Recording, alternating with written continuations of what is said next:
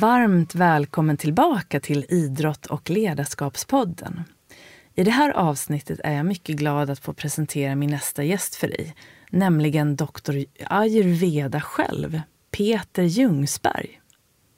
Så det här avsnittet handlar väldigt mycket om just ayurveda, vad det är för något och hur denna världens äldsta hälsosystem kan hjälpa dig komma i balans och få kontakt med din inre kärna öka din självinsikt och en gång för alla förstå vad du behöver äta för att må bra. Men det här med ayurveda är inte bara vad du lägger på tallriken utan det är ett holistiskt tänk.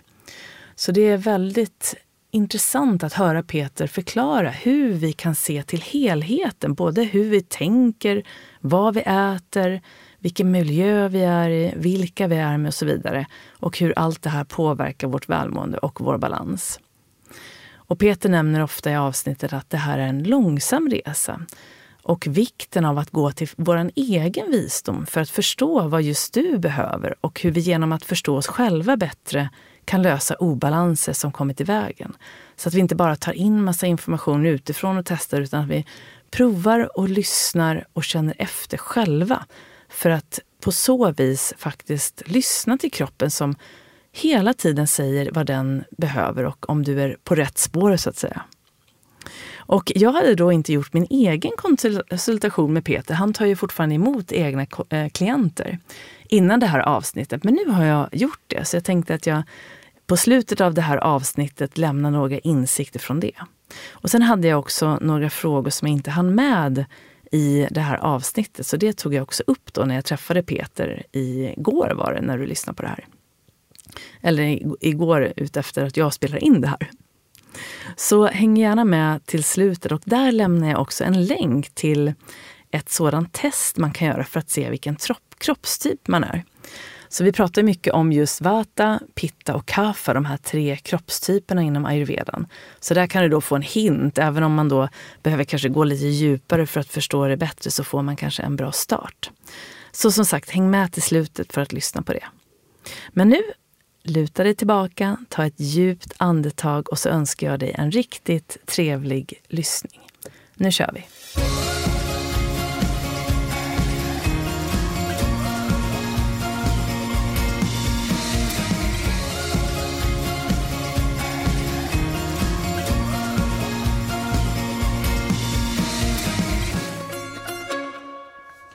Varmt välkommen tillbaka till Idrott och ledarskapspodden. Det är dags för ett nytt avsnitt och idag är jag mycket glad att få möjlighet att presentera min nästa gäst för dig, nämligen Peter Ljungsberg. Peter är ayurveda-expert och kallas också för doktor ayurveda, då han specialiserat sig inom området ayurveda sedan 1985 och sedan dess hjälpt fler än 7000 klienter. Och då är det bara nybesök man pratar om. Att må bättre genom att ha ett helhetsperspektiv till sin hälsa och förstå vad som är i obalans och hur man då rättar till det. Peter leder kurser och seminarier om ayurveda och medicinsk helhetsterapi och tidigare har han föreläst på både Karolinska institutet och Uppsala universitet. Peter jobbar idag också hos företag, både för grupper och inom personlig coaching. Och förutom sin ayurved, sina ayurvediska utbildningar, alltså inklusive pulsdiagnostik, så har han en fyraårig utbildning inom psykosyntesterapeut. Och idag ställer Peter också genom sina konsultationer till enskilda personer diagnos, bland annat utifrån din puls, för att fastställa din kroppstyp och ger sedan hälsoråd direkt anpassade till behoven hos din konstitution för att hjälpa dig utveckla din hälsa. Så idag ser jag mycket fram emot att prata mer med Peter om ayurveda och vad du kan göra för att få både kropp, sinne och din själ i balans. Varmt välkommen hit Peter. Tack. Det är ju fantastiskt att du är här. Men är det något jag har missat här nu som du vill lägga till eller ta bort i min presentation? Nej, jag tyckte det lät väldigt mycket det, och bra. Och, ja. eh, men efteråt brukar jag komma på vad som kunde läggas till. Men det här var en fin presentation. Ja, Så bra. Och du är verksam i Stockholm, ja. är det så? Ja. Och i, visst är det så att det finns en butik som, som heter Veda Lila? Ja. Är det där du är nu? Som jag tar emot mina klienter hemma hos mig på Luntmakargatan. Det är där jag har min mottagning i köket. Just Men eh, från början så satt jag nere på Veda Lila och tog emot mina klienter. Men vi har vuxit ur. Den butiken eh, har vuxit så att det finns ingen plats för mig att sitta där. Och det, Mm. jag, jag föredrar att sitta hemma så att det känns, känns jättebra. Mm. Ja. Det blir väldigt personligt. Jag har ju varit där också på en Ja, konsultation här för några år sedan. Absolut. Jo, jag var- hoppas köket var hyfsat städat. Ja, det var det. Det var väldigt hemtrevligt. Men nu ska vi börja med en som kanske inte är så lätt fråga. Nej. Men vem är egentligen Peter Ljungsberg? Om du ska få berätta för den som kanske inte vet vem du är. Ja, vilken nivå ska man svara den frågan utifrån egentligen? Men eh, ja, ehm, ja, jag är, är en... Men det här var ingen lätt fråga, inser jag. jag. Jag hoppade över den förut när jag tittade på de här frågorna. Men eh, man ska prata om vad jag håller på med. Det är ofta det som, när man frågar vem man är, Mm. eh, så är det ju min verksamhet. Jag har hållit på med ayurveda sedan 35 år drygt. Men eh, parallellt, så jag menar jag har familj, jag har två barn, jag har eh, eh, ett socialt liv också naturligtvis parallellt med det här. Jag har många intressen för musik och för konst och sånt som också är viktigt i mitt liv, som har funnits parallellt, funnits med hela tiden med ayurveda. Så att man inte blir någon nörd så att säga och bara liksom kan inget annat än det. Och ayurveda betyder kunskap om livet, det innebär att det är så mycket som får plats inom det också. Där konst och musik, Gandharva Veda, det är en systerkunskap till eh, ayurveda som handlar just om musik bland annat. Och förstå hur musik kan användas terapeutiskt för att skapa balans och bota sjukdomar till och med. Och eh, olika musik för olika tider på dygnet. Och sen kan musik spela, det vet vi alla, alla har vi relation till musik, hur, hur, hur mycket betydelse musik kan ha i våra liv. Som läkande, som nedvarvande, lugnande, peppande etc. Så Mm. absolut. Mm. Men dagens musik är lite för industriell eller lite för mekanisk för min del. Jag, jag, vet inte, jag inte knappt kalla det musik faktiskt, om jag ska vara ärlig. Man längtar ibland tillbaka till den här, när det kom de här riktigt, liksom Beatles och Ja, de det, här riktiga musikerna som, som verkligen De producerar. håller Mm, de än håller idag, ja. absolut. Men eh, hur kan en dag se ut då i ditt liv om du ska ta en vanlig dag? Ja, eh, sju dagar i veckan, de är ganska lika varandra. Jag kliver upp när jag vaknar, någon gång mellan fem och sju. Och så sitter jag och mediterar tre timmar. Det ingår i, idag, det är så det är som att borsta tänderna, det är bara så det dag, dagen börjar. Jag sätter mig ner och sen påbörjar min meditation och sen när det gått tre timmar då är jag färdig. Och sen, ja, så dricker jag någonting, lite citronvatten eller någonting annat. Eh, kollar lite mail och sen äter jag min lunch. Och sen på eftermiddagen tar jag emot mina klienter. Ungefär så rullar det på. Mm. Inte på helgerna, men på helgerna har jag kurser emellanåt. Men vardagarna ser ut så. Just det, så du håller i kurser här i Stockholm då eller? Ja, Mm. grundkurs i ayurveda har jag. Mm. Precis, och även på andra ställen i Sverige. Men här i Stockholm ungefär varje månad. Mm, just det. Och om man tänker på din bakgrund här, så du är ju idag, som jag tycker är så härligt namn, att du är Sveriges doktor ayurveda. Men hur ser bakgrunden ut? Så när blev du liksom intresserad av ayurveda och hur kom det in i Mm. ditt liv? Jag började meditera 1978 då, det är över 40 år sedan. Och ehm, ja, det var en vändpunkt i sig att eh, göra det, få in den rutinen. Eh, och eh, efter ett tag så kom det upp erbjudande om att åka ner och utbilda sig till panchakarmaterapeut. Det var utbildningar i Holland på den tiden. Mm. Så brorsan och jag, vi hakade på och åkte ner dit. Och det var ytterligare några svenskar som var där. Så vi startade upp en ayurveda-klinik, en panchakarma-klinik här i Stockholm och sen eh, i Västmanland i Bergslagen på ett hälsocenter där, en Ayurveda-akademi. Och sen eh, flyttade vi in, in den verksamheten när vi öppnade Veda Lila sen här i Stockholm. Och nu är det brorsan som har hand om det nu. I Helenelund, Ayurveda-akademin där ute, har han hand om alla behandlingar.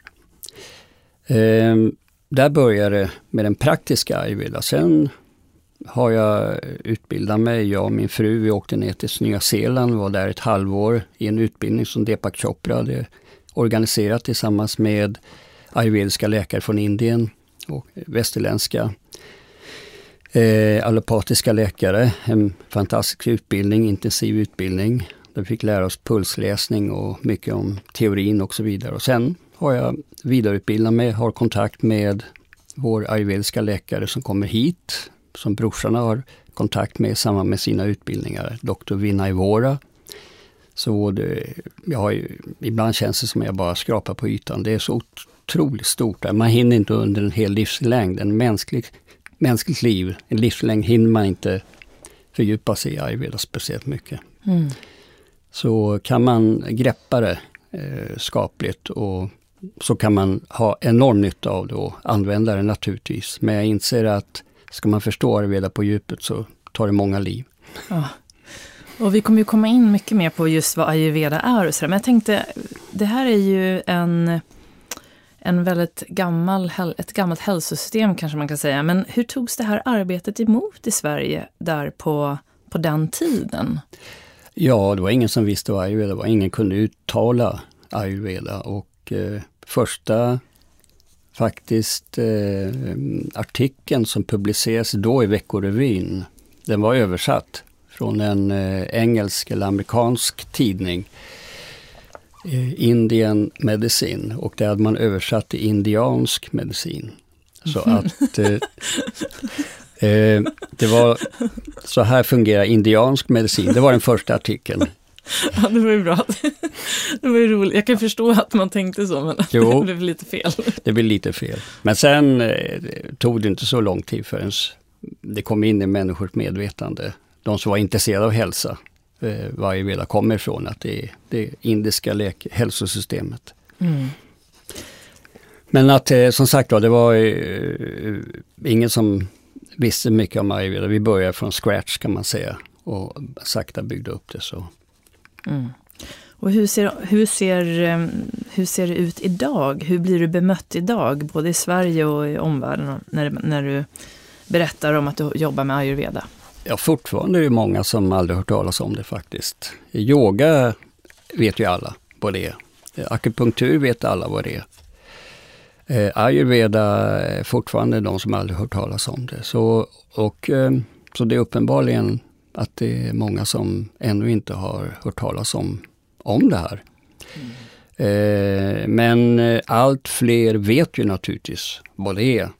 Och de som kommer i kontakt med ayurveda inser också att det är inte bara att, eh, vilket blir det här kommersialiserade och ytliga sättet att se på ayurveda. Bara för att man nu äter ashwagandha till exempel, som de flesta känner till, så tror de, jaha, du lever ayurvediskt eller du håller på med ayurveda. Nej, det är inte nödvändigtvis. Det har inte med vilken typ av ört jag eh, intar, som, utan det är hur jag förstår livet, hur jag förstår mig själv. Eh, där kommer ayurveda in. Och eh, det, det har, då kan det lika gärna vara fråga om, vilket är ännu bättre, att vi hittar växter som växer runt hörnet här i, i, vårt, e, i vår egen ja, här i Norden. Det är de vi ska använda. Just det. De är till för oss. Men sen är ashwagandha bra, det är inget snack om det och all, många andra ayurvediska växter eh, och örter och, och så vidare. Men eh, kan vi hitta motsvarande för det som växer här så är det ännu bättre. Mm. Så ayurveda då är ju då världens äldsta hälsosystem. Och enligt vad man har hittat då så finns information sedan då 5000 år tillbaka i tiden. Mm. Så om du skulle då ge ett litet försök till den som då inte vet vad ayurveda är. Hur skulle du förklara? Vad är liksom ayurveda? Det betyder ju kunskap om livet. kunskap om livsprocesserna, allting som påverkar livet. Så det är ett helhetstänkande, ett holistiskt tänkande som innebär att man har förståelse för att allting som existerar har en påverkan på allting annat som existerar. Inget existerar isolerat. Det är liksom grunden för det holistiska. Och i den kontexten, den verkligheten lever vi där vi påverkas av allting. Vissa saker kan vi inte påverka men andra saker kan vi påverka. Och ayurveda lägger ju då fokus på vissa saker vi kan påverka, vad vi äter och dricker och hur vi lever vårt liv. Och eh, för att svara på frågan, för jag märker att det är ingen enkel fråga att svara på, men att grunden för att ta hand om sig själv och det göra det som är bra för mig, det är ju, vilket jag tror vi kommer till vid flertal tillfällen här under den här intervjun, det är ju självinsikt. Utan självinsikt eh, så funkar inte ayurveda. Det fordrar självinsikt. Eh, så bara köra på enligt något eh, manual av regler och olika punkter och förbud kanske även vad man får och inte får göra. Eh, det är inte så ayurveda funkar. Utan eh, självinsikten är så otroligt viktig för att göra det som är rätt för mig. Och eh, förstår jag inte det, ja då kommer jag inte göra det som jag behöver. Utan då kör jag på enligt Socialstyrelsen eller enligt de senaste eh, trenderna. Och vi kommer till det här med dieter till exempel som idag är bara total förvirring egentligen. Ja, det är det verkligen. Så, så jag upplevde ju när jag har börjat läsa lite mer om ayurveda att det känns som att det är lite grunden till allt och eh, att det känns viktigt att eh, att på något sätt sprida den här kunskapen på ett så enkelt sätt man kan ändå. Men, men det jag har förstått så, som du också nämnde här, liksom att, att det är då grunden till vår hälsa. Och att det handlar om balans då, inte bara med vad man äter, utan både med kropp, sinne och även själen. Mm. Och, och jag brukar sådär ibland slänga med det här ordet. Ja, men nu ska vi få, jag är ju medicinsk yogalärare. Så när jag läste det här så tänkte jag så här, jag brukar säga så här, nu är kropp och sinne i balans. Och då har de då fått göra medicinsk yoga med mig i en timme. Mm. så tänkte jag, det, kan, alltså det behövs ju mer för balans, men det är ju ett sätt. Men jag tänkte, hur skulle du beskriva vad det betyder att ha balans i, de här, i det här helhetsperspektivet? Precis. Det är ofta kanske inte något direkt mätbart där man med någon form av eh, kvantitativ metod kan säga, få ett kvitto på att du är i balans. Utan vi har ju ett balanssystem kan man säga, som, eh, där vi känner om vi är i balans. Och det är det där när ingenting skaver någonstans utan det känns som det är fritt och friktionsfritt och bra jag menar inte på något ytligt sätt utan på djupet, att man är förankrad i något djupare och känner att det där är någon kontakt. Och det känns, här befinner jag mig i ett tillstånd där jag mår bra. Jag är i harmoni med mig själv och det som är runt omkring mig, det skulle jag kalla för balans. Och det är ett slags tillstånd. Mm. Precis som yogan är ett tillstånd, det är ingenting vi gör utan det är ett tillstånd. Yogatillståndet av förening, att vi förenas med oss själva, förenas med någonting högre, någonting djupare, med ett högre syfte, djupare mening etc. Och det är mycket av de här sakerna som har gått förlorade i vår kultur. Vi har ju inte ett sådant syfte för, för det mesta utan de mål som de flesta har, tragiskt nog, materiella mål, som de tror att uppnår jag dem så kommer jag må bra. Och varför ska det behöva ta då 50 till 70 år för att upptäcka att det var inte det som gjorde mig lycklig?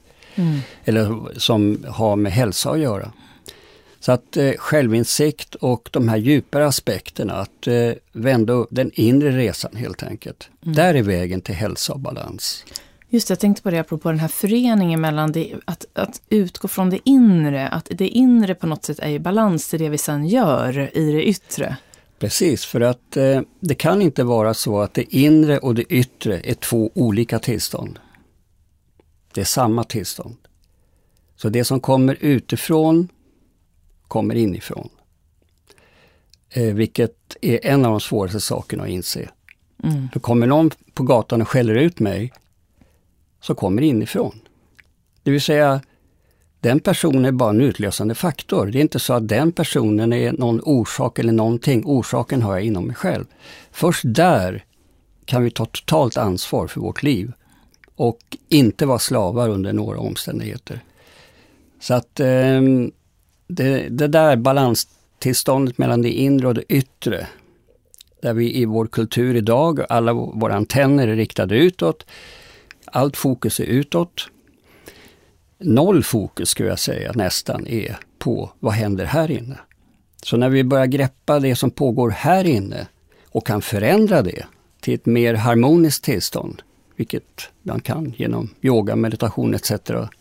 Balans i största allmänhet genom idossorna, vata, pitta, kaffe och så vidare. Allt det där leder ju till att omvärlden runt omkring mig förändras.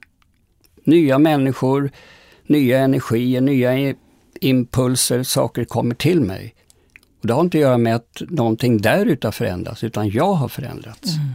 Precis, så vill du förändra världen så föränd börja med att förändra dig själv. Otroligt viktig eh, insikt att det är på det sättet. Mm.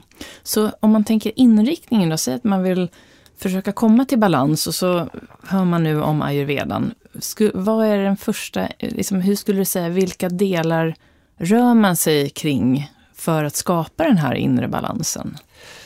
Och det, jag kommer återigen tillbaka till självinsikt. Där Vata, Pitta, kaffa, de här tre dossorna utgör ju själva grunden för min konstitution som är en mental, känslomässig, fysisk konstitution. Och kan jag förstå hur den ska balanseras, som också förstå hur den är ur balans. För det är utgångspunkten för att kunna balansera, det är att kunna identifiera obalansen. Mm. Och därifrån skapa balans så har jag tagit en riktning mot att skapa balans i livet. Och det är ingenting jag gör som en eh, parentes, en dag lever jag balanserat och sen ska det vara någonting som eh, gör förändring för resten av livet. Eh, utan vi kan alltså leva oss friska, vi kan äta oss friska, vi kan tänka oss friska. Det, de flesta lever sig sjuka, äter sig sjuka, tänker sig sjuka utan att ens inse att det är det jag gör. För att vi lever i ett sammanhang, alla gör ju likadant och då tänker jag, jag är normal i alla fall. Och det är normalt att bli sjuk. Och det är normalt att inte må bra. Det är normalt att känna sig så här, etc. Mm. Vi kanske har potential för 100, vi lever på 30 och ingen kan komma på tanken att man kan komma över 30. Där finns en potential av 70 som vi har att utveckla. Och det kan vi utveckla om vi får rätta verktygen och nycklarna till det. De flesta har inte det. Mm. Och jag kan bara säga som en parentes, det här coronaåret har ju fått lära oss att vi kan inte påverka vår hälsa, vi kan inte påverka vårt immunsystem. Det har vi blivit hjärntvättade med mer eller mindre. Är det någonting som gör oss, som kan mer destruktivt för vår hälsa så är det maktlöshet. Att vi inte kan påverka vår hälsa. Så jag vill säga det, vi kan göra otroligt mycket. Mm. Och självinsikt är steg ett och det är nyckeln. Mm.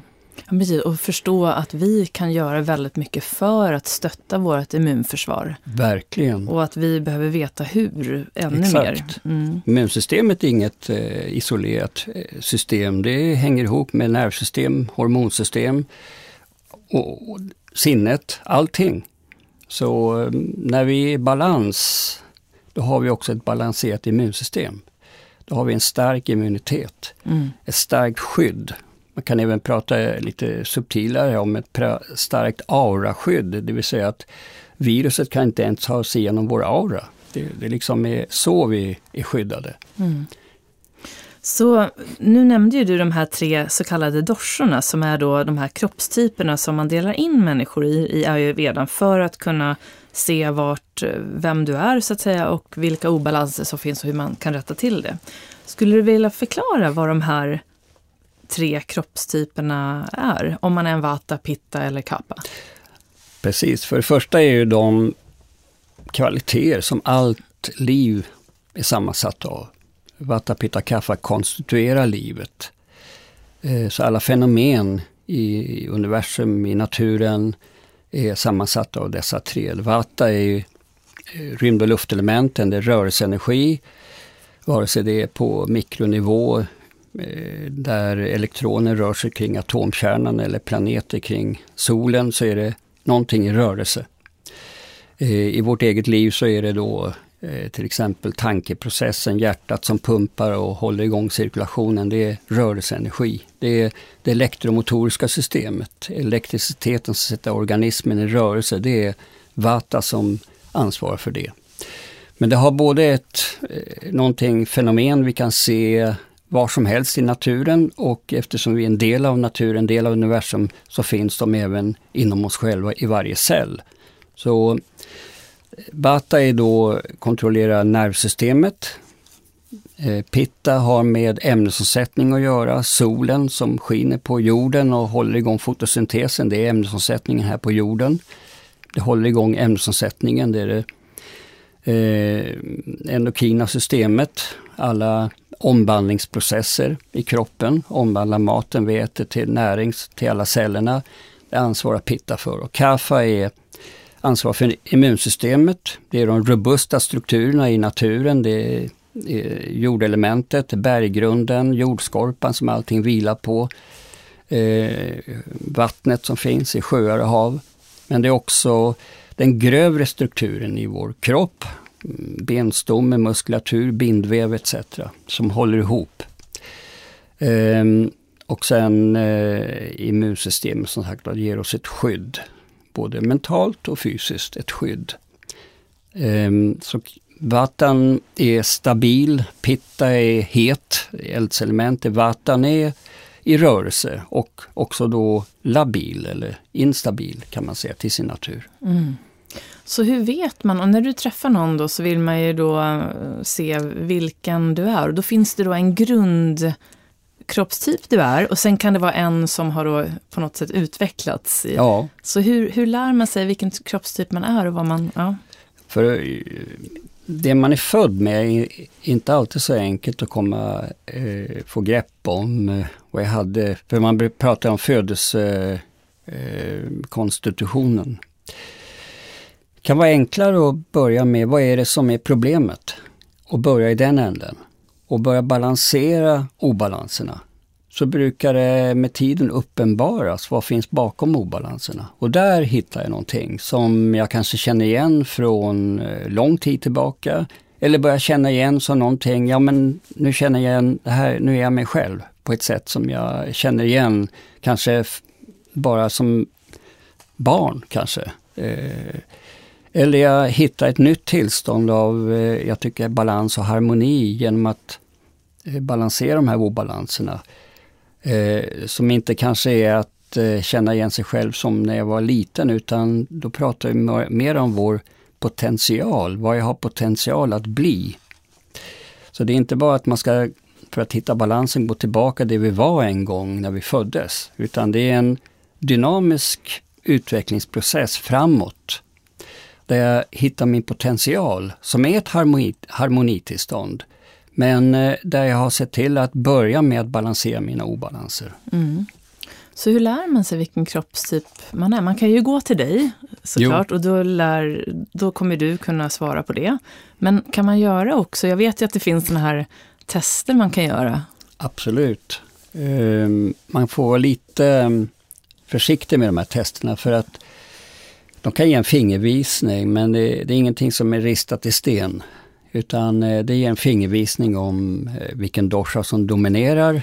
Man kan göra om testet eh, ett par gånger per år och se om det blir ett annat utfall senare för att jag har vissa blinda fläckar som gör att jag ser inte allting tydligt och klart. Eller låter någon som känner dig väl göra testet åt dig och tänka på dig. Vad är det för differens mellan dina svar och den andres svar? Det kan mm, vara intressant också att se. Men eh, självkännedom är delvis att man kan läsa om de här typerna och på det sättet i, man kan säga någon form av beskrivande diagnostik som det är att få en igenkännande och en förståelse för vad det är för dosha som dominerar i mitt liv. Det är, det är, en bra början och det finns massor med bra böcker man kan läsa till exempel för det, om det och göra sådana här tester också i anslutning till det. Men eh, ayurveda jag brukar säga en långsam kunskap. Att lära sig det här kan inte gå fort. Eh, så man vinner inte på att ha bråttom att komma fram till att få svar på de här olika frågorna utan det här är liksom A, B, C. eh, steg som handlar om att börja med i någon ände och börja med det mest grundläggande. Och att det kan man göra med någon enkel lärobok i ayurveda som förklarar de här sakerna. Och många känner ju hur massor med poletter trillar ner bara läsa det genom ett igenkännande. Och inte bara känna igen sig själv utan känna igen sina föräldrar, sina barn, sina syskon, arbetskamrater med mera och plötsligt få en insikt om, att vi är alla olika. Mm. Så att det förklarar också hur, varför människor är olika, reagerar olika, tycker olika och så vidare. Vilket också ger mig en eh, förmåga att eh, mer respektfullt ehm, ja, eh, beakta människors ställningstagande i olika sammanhang. Så att eh, det, det ger mer eh, respekt kan jag säga för, för människors olikheter. Just det. Och räcker det liksom att dela in oss i tre kroppstyper då med tanke på att vi alla är unika? Ja, men eh, det är ju inte så att det är tre typer. Det är en kombination av tre kvaliteter. Okay. Som kan kombineras på en mängd olika sätt. Eh, man kan vara endosha-typ, vata dominerar, pitta dominerar, kaffe dominerar som en, en dosha bara. Eller en tvådosha typ, man kan vara en mix. En vata pitta, pitta vata eller en eh, pitta kaffa, kaffa pitta, vata kaffa, vat, kaffa vata. Det är liksom kombinationer av två. Eller en tredosha typ. Man har lika mycket av alla tre. Mm. Är det någon som är mer ovanlig och mer vanlig? Eh, tredosha-typerna är lite ovanligare. Eh, en, utpräglade endosha-typer är också lite mindre ovanliga. Mm. Medan kombinationen av två är vanligast och i vår civilisation, i vår del av världen så är Vata Pitta, Pitta Vata kanske vanligast. Just också kvaliteter som premieras. Det är sånt man vill ha.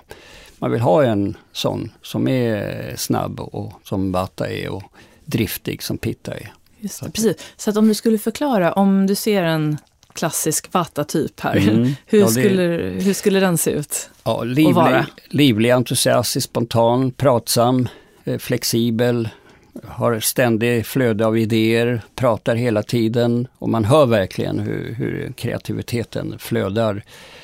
Eh, lättskrämd, kan lätt bli orolig, ängslig, eh, tappa tron på sig själv och, och så vidare. Det, det är liksom ofta smal, eh, tunn kroppsbyggnad, eh, till och med svårt att gå upp i vikt kan de ha till exempel. Eh, kan ha mycket problem med spänningar i kroppen, eh, torrhet. Alltså det om det är dåligt smorda leder, då låter de dem. Det knastrar och det knakar. Allting som låter, det har med vatt att göra. Det bubblar i magen, det knastrar om lederna mm. och så vidare. Det, men också att i deras inre så pågår det alltså väldigt mycket aktivitet i deras sinne. Det liksom kan vara rejält surrigt ibland om det är en hög vatt. Alltså det. Medan Pitta är mera eld, eh, driftig, målmedveten, ambitiös, otålig, självkritisk personlighet, hetlevrad. Är liksom offensiv, man är på, man är mm, vetgirig, ettrig, det är en intensitet i den här personligheten. Man verkligen känner glöden hos den här människan. Och eh, har en också eh, elden påverkar ämnesomsättningen, snabb ämnesomsättning, stark hunger. Blir väldigt irriterad om de inte får äta i tid och liksom blir griniga och väldigt jobbiga faktiskt till och med. Eh, medelbyggda, kroppsbyggnad, medel kan man säga, varken speciellt kraftigt byggda eller tunt byggda utan medel. Ehm, kan drabbas av eh, heta sjukdomssymptom som det bränner, svider och hettar i kroppen, inflammationer, blödningar och så vidare. Medan kaffa är den eh, långsammare, lite långsam, lugn, avspänd personlighet, står med båda fötterna på jorden. Eh, tar det lugnt, stressa inte upp sig i onödan. Eh, väljer snarare att sätta sig ner och vila en stund än att vara igång hela tiden. Och eh, alla trivs i deras sällskap. Det, de, det, finns en vilande energi runt om som gör att alla känner sig bekväma i deras sällskap. Kan ha en eh, långsam ämnesomsättning vilket gör att de lättare går upp i vikt. kan lätt drabbas av övervikt och eh, problem med andningsvägarna, astma och hösnuva. Den typen av problem kan, kan kaffa drabbas av. Annars är kaffa den som har ofta bäst hälsa och eh, mest okomplicerad i, i många avseenden. Det låter som att vi behöver liksom mer kaffe här Ja, i, i, i vår väst. civilisation, Mm. vår värld är verkligen helt vattapitta urspårad kan man säga. Så Mm. att det finns ingen stabilitet. Och då kan det ju vara så att om man då tror att världen eller samhället vill ha mer pitta eller vata, man kanske är en kaffe, men så försöker man bli då eh, en pitta eller en vata, Mm. fast man egentligen kanske inte är det i grunden. Och då blir det då direkt en obalans. Ja, det blir fel för du Mm. anpassar dig till någonting som du inte har förutsättningar att bli. Just det. Det kan ju till och med vara så att redan tidigt mina föräldrar tyckte att så där långsamt kan man inte vara. Så blir man drillad in i en folla där man ska mer likna en vata eller pitta. Bara för att mina föräldrar uppfattar kaffa-egenskaperna, i dagens samhälle i alla fall, som egenskaper som inte är, upp, är bra helt enkelt. Det. Alltså det är få saker som är så provocerande som långsamhet. Kaffan är långsam, kaffabarnet är långsamt, kan inte vara snabb, har inte den förmågan. Kan man förstå det för att eh, istället för att tänka hur vill jag att mitt barn ska vara? Uppfostran går ut på att göra om det här barnet till någonting som det inte är. Första det är att lära känna ditt barn, om vi nu pratar, på, pratar om barnuppfostran här. Att har man ett kaffabarn så är det viktigt att utgå från hur barnet är, inte hur jag tycker att det borde vara. Och där kan ju många i skolan fara illa eftersom vattabarnen de är snabba. Och, eller man kan säga så här, pittabarnen som har väl utvecklad logisk matematisk intelligens, de fattar på en gång redan från första klass och ser de skolarbetet som ett arbete, de är ambitiösa. De sätter igång med sina arbetsuppgifter på en gång medan vattabarnen har inte lyssnat. De är tank, lite tankspridda och så. Kaffabarnen har ännu inte förstått, för de är långsamma. De är inte ointelligenta, de är långsamma. De fick aldrig tid, det är det som är sorgligt tyvärr. Fick inte tid att visa vad de kan. För Mm. att eh, allting gick på tid. Proven gick på tid, tidsbegränsat. De kunde alla svaren men fick inte tid att svar och Nej. kunna visa vad de kan.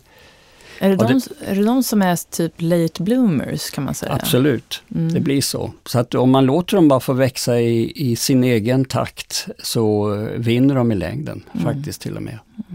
Men det är viktigt att de får att visa dem respekt, att det är okej att vara långsam, det är okej att vara lite dagdrömmande, det är okej att eh, behöva tid på sig och så vidare.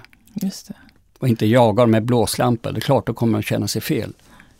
Så det, det känns som en så otroligt så här, viktig och en väldigt tydlig eh, kunskap att lära sig om man kan förstå hur de här liksom, kroppstyperna är och vad det finns för definition. För det där tänker jag ju direkt på mina barn och deras kompisar. Mm. Och man kan ganska snabbt börja se lite grann vad de har för vilken typ de lutar. För det är ju lättare att se på barn, eller hur? För de är ju inte redan, de är inte påverkade så mycket av Nej. miljön än. verkligen.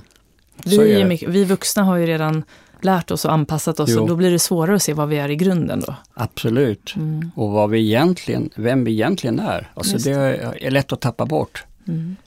Men om man nu kollar på, för det här är ju jätteintressant, så tänker jag också på det här med det som jag tror att många kopplar ayurveda till är just maten. Mm. Så att nu har ju du nämnt några saker som är definition, liksom som är egenskaper hos de här olika tre kroppstyperna. Och då till exempel så vata som är luft då, som kanske till exempel har torr hud och så, då ska ju inte den då äta torr mat, utan då kanske den ska äta mer oljig mat till exempel. Kan du lite, så här, en, lite kort Ja. så här, bara förklara, hur ska man äta beroende på vem Mm. man är så att säga? Ehm, om det är vinter som är en vattårstid, då blir huden torr. Och slemhinnan blir torra, läpparna blir torra och så vidare. Då ska det ligga något varmt och fuktigt på tallrik, tallriken för att balansera den väderleken. Ehm, medan en het sommardag när det är pitta, så kanske ska ligga något kallt eller torrt och torrt och krispigt på tallriken, en sallad till exempel. Ehm, och kaffe som eh, bara tänker på mat så går de upp i vikt och ska vara väldigt försiktiga just med kolhydrater och den typen av snabba kolhydrater och sånt som är mycket socker i. Eh, behöver ju då mera eh, kanske sallad men mat som är då eh, få kalorier i och eh, fettsnåla naturligt fettsnåla, inga, inget konstlat sånt utan naturligt. Och eh, på det sättet så ska jag säga när det gäller maten att det är sån förvirring idag så att jag brukar råda mina klienter idag att följa sina spontana önskningar. Svaret finns inom dig. Om du ska genom doshorna, vata, pitta, kaffa, mat, det finns ju tabeller för allt det här, eh, lära dig den vägen så är det inget fel, absolut inte något fel, men det är lätt som jag själv har erfarit hos mina klienter att de blir förvirrade. Eh, jag får inte ihop det här för de här olika tabellerna är motsägelsefulla och ska jag äta det, då händer någonting där och så vidare. Ja, då håller vi på i vänster hjärnhalva, vi håller på att analysera någonting som snabbt, knappt går att få ihop faktiskt. Och det gäller alla dieter idag också med LCHF och raw food, food och mm, allt vad de heter. Eh, blir man frälst på en diet bara för att man läst en bra bok om, som förklarar principerna och tycker att det här låter ju klockrent, det här låter fantastiskt bra, det är ju så här det ska vara. Jag, och tänk alla de här människorna som blev friska av att äta den här maten, alla exempel. Så kan man ju tro att det här gäller för mig också. Och så kör man på. Och kanske inte alls mår bra, men är jag frälst så är jag frälst. Så att eh, jag bryr mig inte kanske ens om att jag mår sämre, för att det här kommer i, i slutändan vara det enda rätta. Och det där är att lura sig själv. Så när vi börjar med att skapa balans på olika sätt som det finns och eh, jag börjar hitta balansen så kommer mina preferenser och mina aversioner att förändras. Plötsligt spontant känner jag att ja, men, av någon anledning vill jag dricka mindre av det där och äta lite mer av det där. Då har jag en annan referenspunkt för att skapa balans. Det sitter inte i intellektet. Det sitter någonstans djupare som är kopplat till kroppens egen inre intelligens, know-how, eh, den organiserande kraften, livsenergin som finns här som kan allting om den här kroppen, ända ner på cellnivå. Om jag rådfrågar den, det kunnandet och den intelligensen så får jag svar på de här frågorna. Och då återigen är vi där vi pratade förut, vi är så riktade utåt mot och ska vi följa vad forskningen säger med nya rön hela tiden så får man ju hålla sig uppdaterad varje månad mer eller mindre för att hålla sig ajour med, med det. Och det är inte säkert att det ens är det som är, gäller för mig. Vad är det som gäller för mig? Ja, det, det som angår mig, det finns inom mig själv. Och det är dit jag behöver lyssna. Lyssna på det. Lyssna på kroppens signaler. Kroppen pratar inte som jag pratar just nu. Kroppen pratar med signaler. Hunger, mättnad, smärta, olust, eh, balans, obalans känner vi på olika sätt i form av behag, obehag etc. Om vi kan förstå det språket så kan vi tillgodose kroppens behov. Kan vi inte förstå det språket, Nej, då tycker vi bara att kroppen, ja kroppen tycker för det första att det är som att prata med en vägg. För den har ju försökt nu hur många årtionden som helst att få fram det här budskapet. Det är någonting som inte är bra här, kan du lyssna på mig för en gångs skull? Ja, är vi analfabeter så är vi det. Vi förstår inte. Mm. Men vi förstår ju liksom vad forskning säger. Vi förstår vad eh, naturvetenskapen säger. Till exempel om vi nu ska prata olika näringsämnen och så vidare. Och det kan tilltala oss västerlänningar. Men eh, vad ska jag göra av all den forskningen? Hur omsätter jag den i praktiken? Enda sättet att omsätta någonting som ska angå mig i mitt liv, det är det som finns här. Det är alltså min inre auktoritet. Man kan säga att det finns en auktoritet inom mig som har svar på de här frågorna. Om jag kan förstå det, att det är dit jag ska vända mig, eh, så eh, blir det annorlunda. Mm. Det blir ganska ointressant vad forskningen säger, vad, vilka dieter som är på tapeten just nu och vad människor håller på med. Utan det finns här. Precis, och då tänker jag, det som hejdar oss från det, det är att det finns hinder på vägen. Som man då kanske kan kalla obalanser. Så vilka är de viktigaste hindren att börja skala bort först? Alltså hur, hur hittar man tillbaka in i den där inre kärnan? Först är det, vad är det jag repeterar i min vardag? Alltså det är där någonstans obalansen har uppstått. Genom att jag repeterar någonting. kanske sover en timme för lite varje natt. Om det repeteras sju dagar i veckan, 365 dagar per år, så gör det något med mig. Hur jag äter, hur jag sover, hur jag lever, eh, dygnsrytmen, alla de där sakerna tillsammans. Det blir vanor som eh, repeteras och kumulativt växer i form av i antingen riktning mot balans eller obalans. För de flesta är i riktning mot obalans, dessvärre. Eh, så att börja identifiera, vad är det för saker och ting i mitt liv som kan eh, orsaka obalanser? Och börja förändra dem, korrigera de sakerna. Små, små, små steg. Stora revolutionerande förändringar, det funkar inte. Små, små steg. Eh, skynda långsamt. En sak i taget. Det kan inte gå fort. Det är viktigt att komma ihåg. Det ska ta tid. Och på det sättet förstå vad är det jag behöver göra för förändringar. Vad jag äter, hur jag äter, hur jag lever, hur jag sover. Steg för steg göra små, små förändringar där.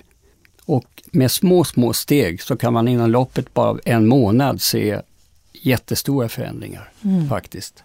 Och så kan man ju då få hintar, apropå att man lär sig då vilken kroppstyp eh, eller vilken kombination har jag eh, och vilken är i obalans och det kan man ju då få ännu mer tydlig information till exempel genom att gå till någon som dig eller läsa på det här med. Absolut, mm. för då blir det mera så att säga eh, personligt kopplat till mina obalanser så att säga. Mm, då blir det lite lättare vart man ska börja. Man kanske kan förstå, till exempel jag tror att jag är en, nu har jag inte kollat det här nu, men jag tror att jag är en vata med kombination av pitta som då många är. Mm. Eh, och då vet jag till exempel att jag, jag får ju svårt att sova ibland. Och det läste man ju direkt att det hör ihop med den här oron. Mm. Så för mig är det ju väldigt viktigt med rutiner och mm. jag behöver liksom jorda mig ofta och alla de där övningarna för jordning är ju mm. extra viktigt för en sån som mig. Då. Absolut, det är jätte, jätteviktigt. Och då var det lättare att, när man får den där hinten så vet man lättare vart man kan mm. börja någonstans. Absolut, precis. Men jag tänker en annan sak som jag blev lite, liksom, som är så spännande med hur man ser på till exempel obalanser i form av att man kanske har ont någonstans och smärtor och sjukdomar. Så brukar man då, kan man då eh, inom ayurvedan se till exempel om du har problem med levern, säger vi, så kanske frågan inte är... Då kanske frågan blir om du har någon olöst ilska till exempel. Mm. Och om du är överviktig så kan du fråga dig vad du känslomässigt har svårt att släppa taget om. Det är liksom mentala frågor och känslomässiga frågor som man tänker på när kroppen visar något symptom. Absolut. Kan du förklara lite mer sådana hinder? Alltså varje fysisk spänning brukar representera någon form av eh, blockerad känsla. Levern är ett pittaorgan och eh, man säger ju hetlevrad och när man stänger inne sina aggressioner så är det i levern de lagras. Och eh, det, på, det, ja, det får ju konsekvenser naturligtvis, vilket är lätt att förstå.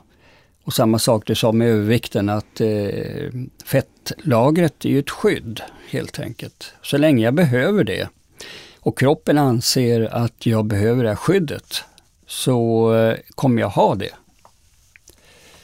Eh, och sen också som du sa, eh, vad är det jag inte kan släppa taget om? För det är ju en annan aspekt det här med att samla på sig eh, kroppsmassa så att säga. Vilket har med kaffe att göra väldigt mycket. Kaffe har svårt att släppa taget om saker och ting, om det förflutna, människor, allt möjligt. Så släppa taget är en viktig aspekt, också kopplat till övervikt faktiskt. Men också att det är ett skydd. Som en krockkudde, typ. Mm. Och eh, vata leder till exempel, ont i lederna. Men mycket i sinnet också när det gäller rädslor och eh, sådana saker som vata har. Det, har, det är luftelementet, det är mycket mer svårgreppbart de här och svårläsbara symptom som vatan har. Eh, diffusa, icke-distinkta. Eh, det är de som kommer till eh, läkaren och får utredningar och de hittar inget fel. För att symptomen är av luft, man hittar ingenting.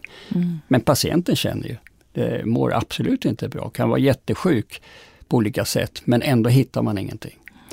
Så förstår man där med eh, att eh, hur symptombilden eh, präglas av de fem elementen och de tre doshorna här så kan man ju, just när det gäller vata, lätt kunna greppa och förstå att det här är vata som orsakar de här konstiga, diffusa, skumma symptomen som flyttar på sig hela tiden och får de här eh, konstiga tankarna som dyker upp och hur jag skrämmer upp mig själv och allt det där som Vata-personer ofta känner igen sig i. Och eh, förstår man det så kan man ju också hantera Vata och förstå hur man ska just, som är grundprincipen där, och det här är ju det som de flesta har problem med i dagens samhälle faktiskt, att lugna ner systemet, grunda, jorda, förankra, inre förankring. Det är de sakerna som eh, egentligen de flesta människor i vårt samhälle idag behöver för att må bättre faktiskt. Inre förankring, lugn och ro, eh, stabilitet. Mm. Så precis, så att jag, just att eh, ayurvedan då använder både meditation, yoga och olika andningstekniker då för att överkomma allt från det här med oro till depression till ilska. Och då kan ju många tänka, det här är lite, det låter ju som att det är väldigt enkla metoder som då inte behöver eh, man behöver ju inte gå till någon, utan man kan läsa sig till det här. Och man kan också, det finns mycket guidade meditationer och så vidare, väldigt tillgängligt.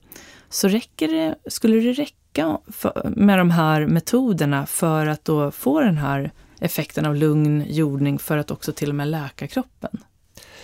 Precis, när det gäller vatan så är nyckeln regelbundenhet. Det innebär inte då att göra det någon gång då och då när man är superstressad till exempel. Utan göra det varje dag oavsett tillstånd. Det, är en, det krävs disciplin, det krävs eh, målmedvetenhet och en insikt om varför jag gör det här. För att förstå den långsiktiga effekten. För Vatta tycker att idag mår jag bra, idag behöver jag inte göra det där. Eh, för det är så tråkigt och liksom vill göra något roligt istället. Men det handlar om att växa upp och det är lite grann tonåringens att gå från tonåring till vuxen för många Vata, vilken ålder man än är som Vata, liksom man fortsätter det här tonårsbeteendet och med ögonblicklig behovstillfredsställelse och så vidare och vill inte ha tråkigt liv, det ska vara kul hela tiden. Och då är det att organisera sitt liv på ett vuxet sätt som innebär att här finns det rutiner som är bra för mig och de gör jag bara helt enkelt. Men när, man har bestämt sig som Vata, där är ett tecken på en mognad. Jag förstår nu vikten av att göra det här regelbundet. Oavsett vad jag känner för. Jag bara gör det. Precis som man behöver diska. Oavsett om jag mår bra eller inte så gör man det bara för att det behöver göras. Och Det är samma sak med de här sakerna. Så det måste landa liksom och klicka till och bli en polett som trillar ner där jag förstår varför jag gör det här. Och sen göra det och sen se resultatet av det. Mm. Så eh, det är en process, det är en mognadsprocess. Och att få insikt om de här sakerna. Precis, så just rutiner verkar komma tillbaka mycket då inom ayurvedan. Och att det gäller ändå alla kroppstyper, att alla människor mår bra av rutiner. Och då till exempel morgonrutiner, vad skulle ett exempel vara på en bra morgonrutin? Ja, förvalta, om man tar det som är en eh, bra exempel, eftersom de flesta har ju faktiskt förhöjd vatta, kan man säga. Eh, en eh, bra morgonrutin det kan vara till exempel att göra en oljemassage med sesamolja som är just eh, väldigt skyddande, ger som ett skyddande lager och som är lugnande, nedvarvande, förankrande. Innan duschen kan man göra den. Och sen eh, meditera en stund, yoga lite grann. Det måste inte vara mycket, det viktiga är att det är regelbundet. Om det så bara är fem minuter så är det att det ingår varje dag. Kan man eh, få till det, att det blir i alla fall kanske en halvtimme, fantastiskt. Lite yoga, meditation. Och sen äta en eh, frukost i lugn och ro. Att inte behöva stressa genom den utan i lugn och ro. Eh, med mat som är vattenbalanserande. Det kan vara havregrynsgröt, kan vara faktiskt bra för vata med lite kokta eh, vad heter det, frukter i. En banan kan man ha i till exempel och så. så att det, men eh, där med matsmältningen är ett annat område så att man ska ta hänsyn till den också. Så att eh, man bör ha hunger för att äta sin frukost. Men Vata i allmänhet behöver börja med en frukost som sagt var. Och sen eh, det här, ja, det här är exempel på en, tycker jag, en, en bra start på dagen. Mm. Och så blir det ju då, så som man börjar dagen påverkar ju resten av dagen. Så att om man vill ha en lugn dag, då är det ju bra att börja med en lugn morgon och verkligen ta sig tid till att få en lugn start, även om man har barnen där. Och då får man gå upp lite tidigare. Faktiskt, det vinner man på i längden om man kan göra det, få den tiden för sig själv. För att det vet ju alla hur det känns liksom att starta dagen liksom redan sen från början och eh, hinner inte göra någonting av det man brukar göra. Det blir fel allting resten av dagen. Så en bra start på dagen, det är bra för alla naturligtvis. Men mest för Vata trots allt, för att eh, Vata är så känslig. Och Vata behöver den här starten för att grunda sig redan från början. För det får konsekvenser. För Vatans skörhet gör att blir det en dålig start så kommer den skörheten att återspeglas under hela, hela dagen faktiskt. Det spiller även på nästa dag. så att säga. Man får jobba kanske flera dagar för att eh, fånga, fånga sig själv och komma ner i varv och mm. grunda sig. Och jag, tänkte, jag läste någonstans att vi har olika tider. Nu kanske ska vi inte gå in jättemycket på det, men jag tänker på när man går upp på morgonen. För att det finns ju mm. något som mm. heter så 5 am club, att alla ska gå upp klockan fem på morgonen. Men finns det någon tid som du liksom, ska man gå upp med solen eller vad är det för liksom, ja. grundtanke där? När ska man gå upp på morgonen? Man kan säga, det är ju Vata-tid fram till klockan sex på morgonen. Och då är det lätta kvaliteter som gör att man vaknar lätt i sinnet, lätt i kroppen. Det är lätt att komma upp. Efter Vata-tiden, där, efter klockan sex, så går jag in i kaffatid. Och ju längre jag sover in i kaffatid, framåt sju, åtta, nio, ju tyngre blir jag. Och ju segare blir jag. Även om det är otroligt skön sömn i kaffatid, väldigt djup. Men man kan vakna verkligen känna sig helt däckad, klubbad. Och det kan vara så att jag vaknar inte förrän fram på eftermiddagen ordentligt. Men det är väldigt individuellt hur man reagerar på det. Men det är riktigt, alltså de här tiderna har rätt stor påverkan. Jag har haft klienter som säger att hur mycket jag än sover så är jag aldrig pigg. Mm. En bra fråga är när jag stiger upp. Jag kan gå upp klockan 7, 8, 9, 10 eller till och med framåt lunch kan jag sova och jag ändå, ändå känner mig trött. Ja, men testa gå upp innan klockan sex och se vad som händer. Eh, låter helt, helt surrealistiskt för dem liksom att stiga upp vid den tiden. Men och bara förklara då, det är helt andra kvaliteter då vid den tiden. Och bara se vad som händer. Tro inte på det. Kolla, undersök saken. Och det blir förvånade över att de vaknar pigga, och kanske inte har sovit ändå tillräckligt, men ändå får de en energi som håller hela dagen. Så att eh, den, vilken tid man stiger upp på morgonen är rätt så viktigt. Mm, just det. Och då om man tar tvärtom, eller nästa steg, det här med kvällen och kvällsrutiner mm. som man pratar mycket om apropå sin sömn och så. När är den bästa tiden att gå och lägga sig och jag tänker på en kvällsrutin? Också? Jo, det viktigaste är ju att varva ner under kvällen. Alltså, sinnet och vår hjärna, det är liksom ingen digital manik som man bara trycker på off så är den avstängd och så slocknar den och så sover vi. Utan eh, allt vad vi har samlat in i form av information, alla intryck under veckan, under dagen, under kvällen, via skärmar och via jobbiga samtal kanske. Allt det där kan vi själva direkt eh, inse vilken påverkan det har på sömnen. Allt det där kommer att påverka sömnkvaliteten. Även om vi har inga svårigheter att sova så finns det saker lagrat i undermedvetna under hela natten om man har haft ett tufft samtal som vi ibland kan behöva ta på kvällen, självklart. Men om man gör det regelmässigt, och det blir så, det blir bara på kvällen man tar de här jobbiga samtalen, så kommer det definitivt att påverka sömnkvaliteten. Mellan klockan 18 och 22 är det kaffatid. Det är tunga kvaliteter. Eh, kaffan är tung, vilket innebär att det här är naturens valium, ska jag säga, som gör att vi kan få hjälp av naturen att varva ner i kaffatid fram till klockan 22 cirka. Efter 22 går vi in i pittatid. Det är helt andra kvaliteter. Då är det um, lätta kvaliteter, det finns ingen tyngd där. Det är Ehm, eldens kvalitet. Det kan dra igång vår ämnesomsättning, det kan eh, dra igång eh, vår Eh, ehm, vi kan ja, sätta igång och göra massa saker, städa garderober, laga mat och etc. Eh, men faktum är att den bästa sömnkvaliteten är i pitta-tid, mellan 22 och 02. De flesta tycker att det är för tidigt att gå och lägga sig klockan 22. Men faktum är att mitt i pitta-tid, klockan 24, det är mitt i natten, midnatt. Eh, så om vi tänker så, så är 22 egentligen sen kväll. Och det här visar ju hur vi har förskjutit kvällen från vad vi förr, när jag kommer ihåg när jag var liten, när det bara fanns en kanal. Och den eh, slutade vid 8, 9, jag vet inte när det var, så fanns ingen mer TV. Och eh, det var ingenting som höll en uppe, uppe. Nu börjar ju många intressanta saker klockan 10 på kvällen.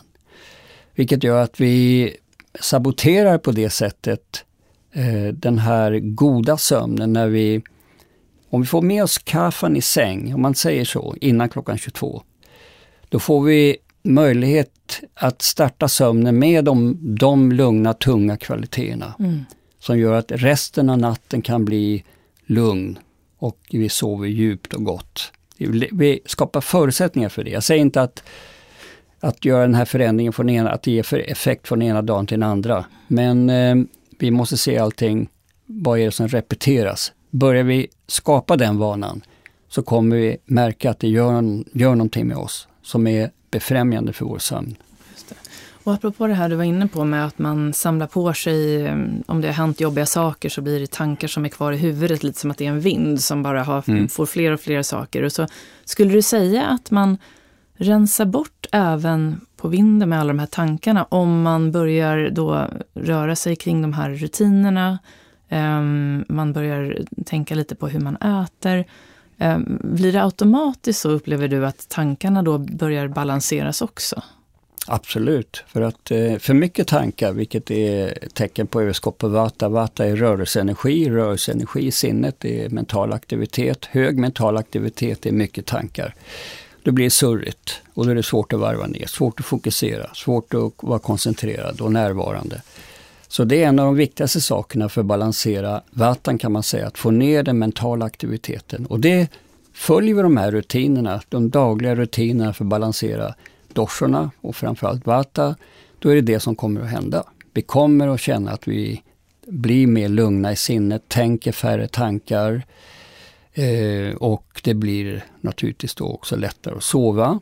Sover vi bättre och vaknar upp utvilade, då påbörjar vi en ny dag utvilade. Det är klart det blir en helt annan dag än när vi börjar en dag med sömnunderskott.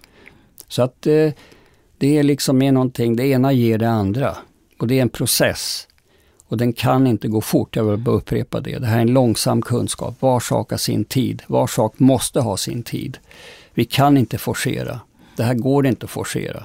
Utan det här är någonting som vi behöver inse att naturen har sina cykler och ska vi leva i harmoni med dessa cykler, yttre och inre cykler, så börjar vi med att få insikt om vilka cykler pratar jag om. Ja, Dorsorna förklarar en del saker här. Och jag själv känner snart att ja, men det här doshorna förklarar, det känns ju ganska naturligt egentligen. Och det här är egentligen någonting som resten av naturen följer det här. Faktiskt. Mm. Så eh, det kanske är så att vi västerlänningar eh, har eh, skapat ett liv idag som går emot naturen, går emot ytterst oss själva och det som är bra för oss. Och vi skapar obalans utan att ens veta om det. Så ehm, med tiden, allting har sin tid och eh, bara för att sammanfatta så är just självinsikt och få en förståelse för min egen konstitution, vilken obalans jag själv har, det är liksom första steget. Mm. Vilken bra sammanfattning. Det känns som att vi skulle kunna så fortsätta prata här. Jag kommer på massa grejer nu också i huvudet när vi pratar om vad jag skulle vilja fråga. Men vi har ju en liten begränsad tid här. Mm. Men jag skulle vilja veta lite grann, vad har du för framtidsplaner? Ja, alltså jag är pensionär nu så att, eh, men mm. ja, ehm, jag jobbar ju på som vanligt och eh, jag försöker vara så gott jag kan i nuet och har egentligen inga framtidsplaner. Utan det liv jag har nu, om det kan få fortsätta så har jag ett fantastiskt bra liv i framtiden. Mm. Och om du skulle få välja att ta ut tre vi kan kalla det råd då, kanske till den som lyssnar och som blir väldigt nyfiken på det här och som vill börja må bättre, hitta balans från inifrån och ut. Mm.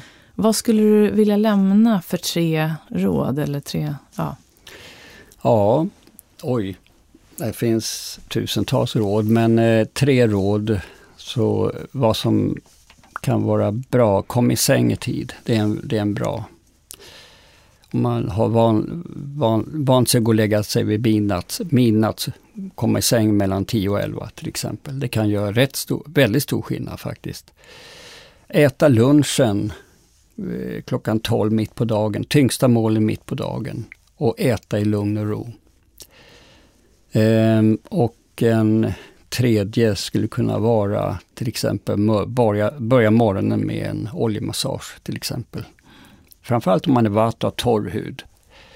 Om jag är kaffa har fet hud och kanske överviktig, då kan en torrmassage med råsidenvantar eller torrborste vara ett bättre alternativ. Mm.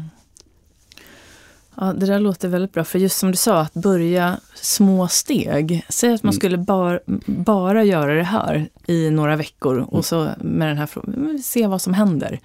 Då har man kanske kommit igång och det räcker. Vi behöver inte Absolut. läsa alla hundra böcker och läsa alla tabeller med mat, utan vi kanske börjar bara med det här. Och vad som repeteras dagligen, det är det som gör jobbet. För att om någonting gott repeteras, en liten grej repeteras varje dag under ett år, då har jag gjort det 365 gånger. Det är klart det gör enorm skillnad, mm. den lilla saken. Och om man vill läsa mer om dig och kanske bli lite ny mer nyfiken på det här, vart kan man hitta mer information? På, ja, eh, vedalila.se så finns ju vår webbshop. Där finns det litteratur, det finns böcker, bra på svenska och engelska som man kan fördjupa sig i. Om ayurveda, jag har själv skrivit en bok. Eh, Tia Ljungberg, en god vän till mig, har skrivit en jättebra fin bok. Eh, nystart med ayurveda som är väldigt bra. Det finns mycket bra man kan börja med. Och vi tar det i små steg. Mm. På det sättet så eh, byggs det på successivt. Det här går inte att greppa i ett sjok utan det är så, det är små steg som gäller. Mm. Ja, tack så jättemycket Peter för att du tog dig tid att komma hit. Det var underbart att få prata med dig och jag hoppas att vi får chans att ses snart igen. Och jag har ju bokat en konsultation mm. så jag ser mycket fram emot och så jag får återkomma till lyssnarna om hur det var vid ett annat tillfälle. Kul. Tack snälla och varmt lycka till med allt. Tack så mycket. Tack.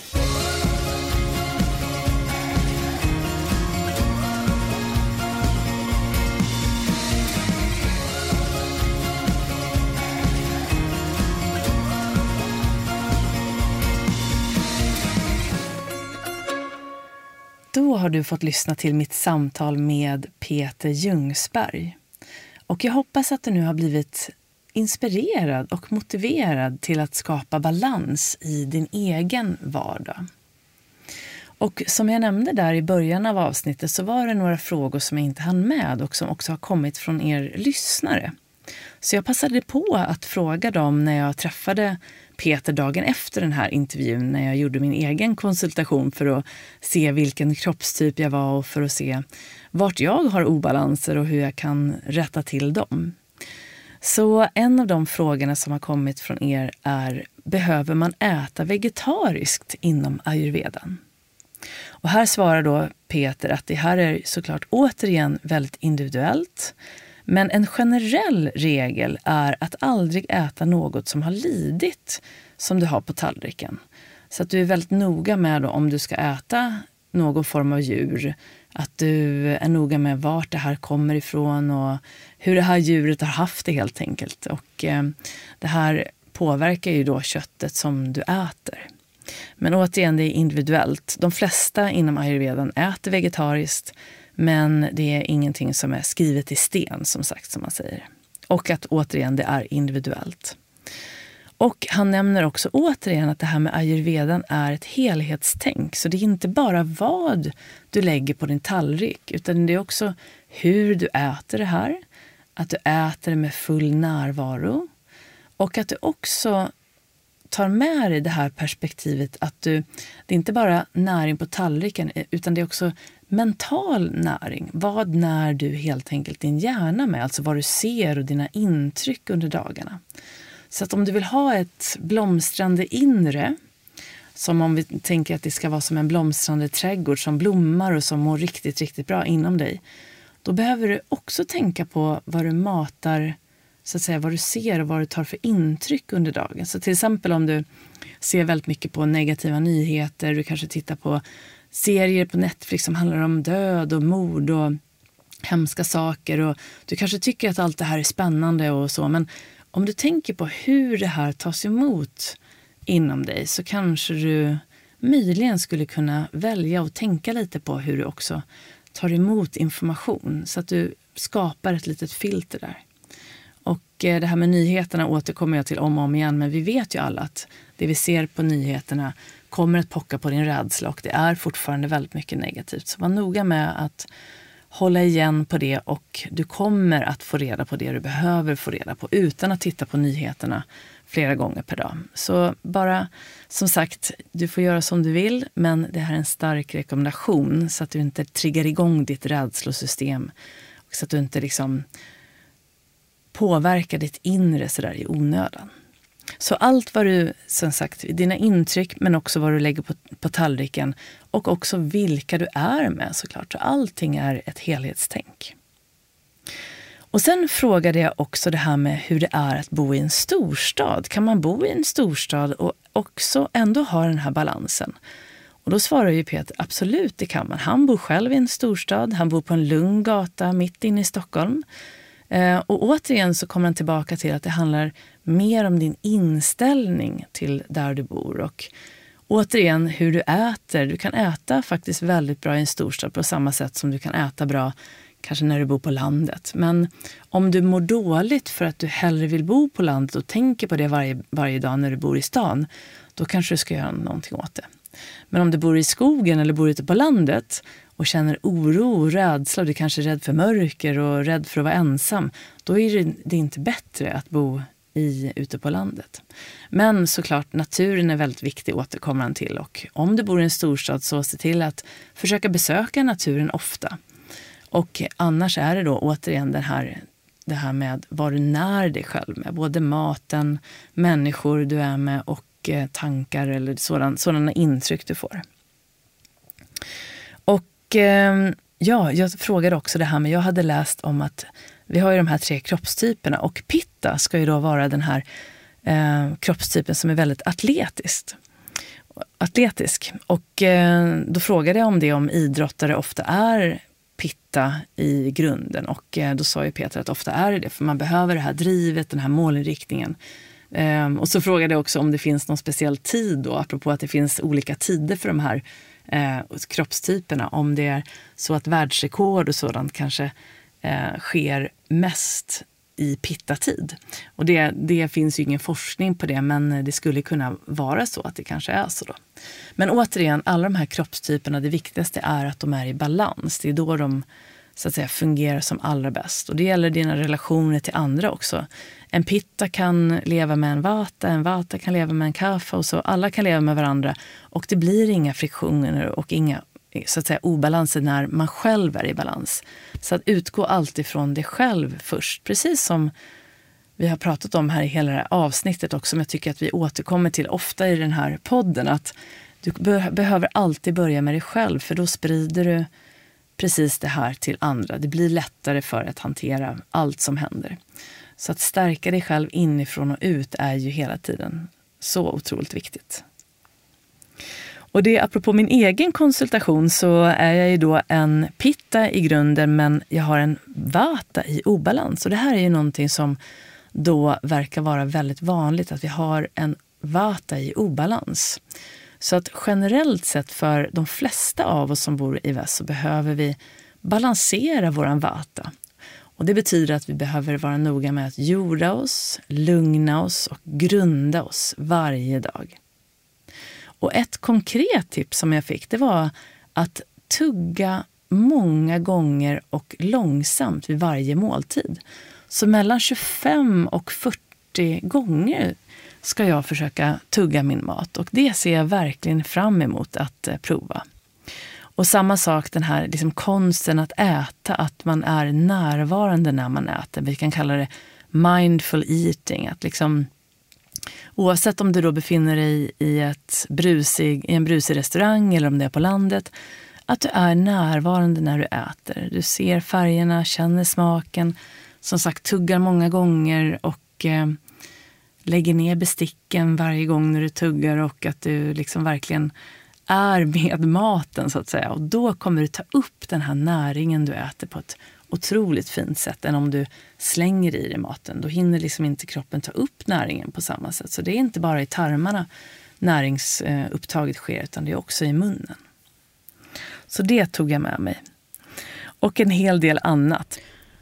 Och vad gäller just det här med att jorda, lugna och grunda sig så jobbar ju jag med den medicinska yogan och jag tänkte direkt på en övning som är väldigt just grundande och balanserande och det är sufecirklar. Och jag gör ju ofta den här övningen i mina pass som det, jag livestreamar på onsdagskvällar klockan 19.10.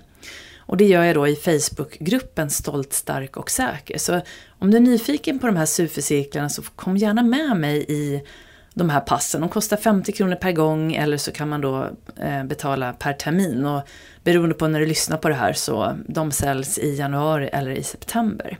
Men där gör jag de här supercirklarna som du då kan se hur man gör. Och samma sak barnets position där du går ner som i en B-position kan man säga. Man tar ner rumpan mot hälarna och tar ner armarna framför sig och pannan mot marken. Det är också en väldigt grundande. Och även också den sista är ju då sumo stretch kan man säga. Man går ner på huk helt enkelt och sträcker på ryggen. Så de här yogaövningarna är grundande och det kommer jag nu också lägga till för att grunda och lugna mig ordentligt. Jag gör ju det här ganska mycket men jag ska göra det lite extra och jag hoppas att du också om du känner igen dig i det här vill prova då och då kan du se hur jag gör då i de här passen som jag har på onsdagarna. Så det var också något då som jag tog med mig efter den här konsultationen med fantastiska Peter igår. Men om du nu är nyfiken på att se vilken kroppstyp du är så kan du alltid boka in en konsultation själv. Peter håller ju det, men det finns också andra, så jag lämnar en länk här nere till var, var kontaktuppgifter finns till bland annat då vedalila.se där Peter jobbar. Och eh, sedan så lämnar jag en länk där du kan göra ett sånt här test som är lite spännande. Då får du då ta det lite grann med en nypa salt, men jag tror ändå att du kan få en hint kring vilken kroppstyp du är just idag. Och sen om du vill gå djupare i det här så finns det då litteratur du kan läsa. Och det finns ju här hos Veda Lila också, men också i andra bokhandlar såklart att du kan hitta litteratur för att fördjupa dig i det här när du blir nyfiken. Så nu önskar jag dig en fortsatt Eh, skön dag eller kväll. Och som sagt, eh, ta hand om dig. Och jag hoppas du hittar några nya verktyg eller kanske några nygamla verktyg för att eh, fortsätta din resa mot inre både trygghet och välmående. För då vet vi alla att det här yttre blir lite lättare. Och att du såklart ska ta hand om dig. Och vill du veta mer om vad som händer hos mig så går du in på www.jennyhagman.com eller så kan du också följa mig då på Instagram. Då är det snabela Jenny understreck Hagman. Och så hoppas jag att vi ses här snart igen. Tills dess, som sagt, ta hand om dig och eh, en trevlig dag eller kväll. Hej då!